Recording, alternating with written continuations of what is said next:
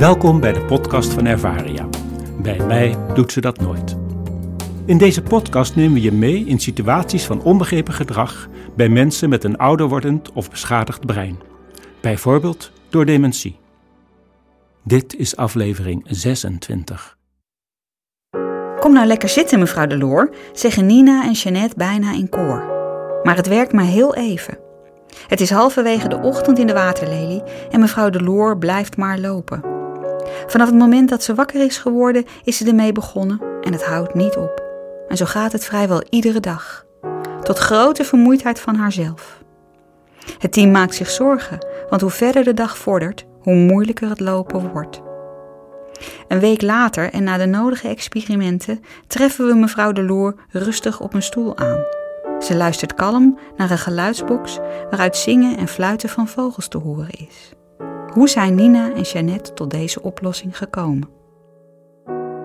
De drang om te lopen komt vaker voor bij mensen met dementie. Het brein kan een grote behoefte hebben aan dynamische prikkels. Krijgen de hersenen deze prikkels niet, dan ontstaat de drang om de prikkeling te gaan halen. En in veel gevallen resulteert dit in lopen, omdat dit de eenvoudige manier is om beweging te creëren. De omgeving beweegt immers bij lopen. Mensen met dementie lopen bij voorkeur naar een plek waar geluid wordt gemaakt, bijvoorbeeld de keuken, de buitendeur of de verzorgenden die met elkaar in overleg zijn. Om loopgedrag te beïnvloeden kunnen geluid en beweging helpen. Vaak wordt de tv als stimuleringsbron ingezet, maar veel tv-programma's geven een te grote prikkel of een prikkel die niet aansluit bij de belevingswereld. Een passende stimulans, daar gaat het dus om.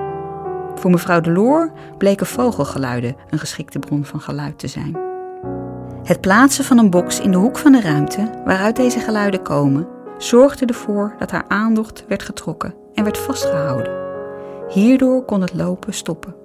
En zo vond mevrouw de Loor een manier om tot rust te komen. Het toevoegen van een passende prikkel kan op veel manieren. Voor de een kan het een lavalamp zijn, voor de andere metronoom, een rustig muziekje of een spinnende robotkat op schoot. Als we blijven zoeken naar die ene passende prikkel, dan realiseren we ons dat veel gedrag te beïnvloeden is.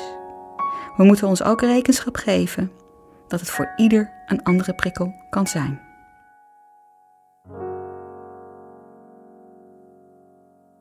Meer informatie is te vinden in ons boek Bij mij doet ze dat nooit. Je kunt ook de website www.ervaria.nl bezoeken of mailen naar info.ervaria.nl. Bedankt voor het luisteren.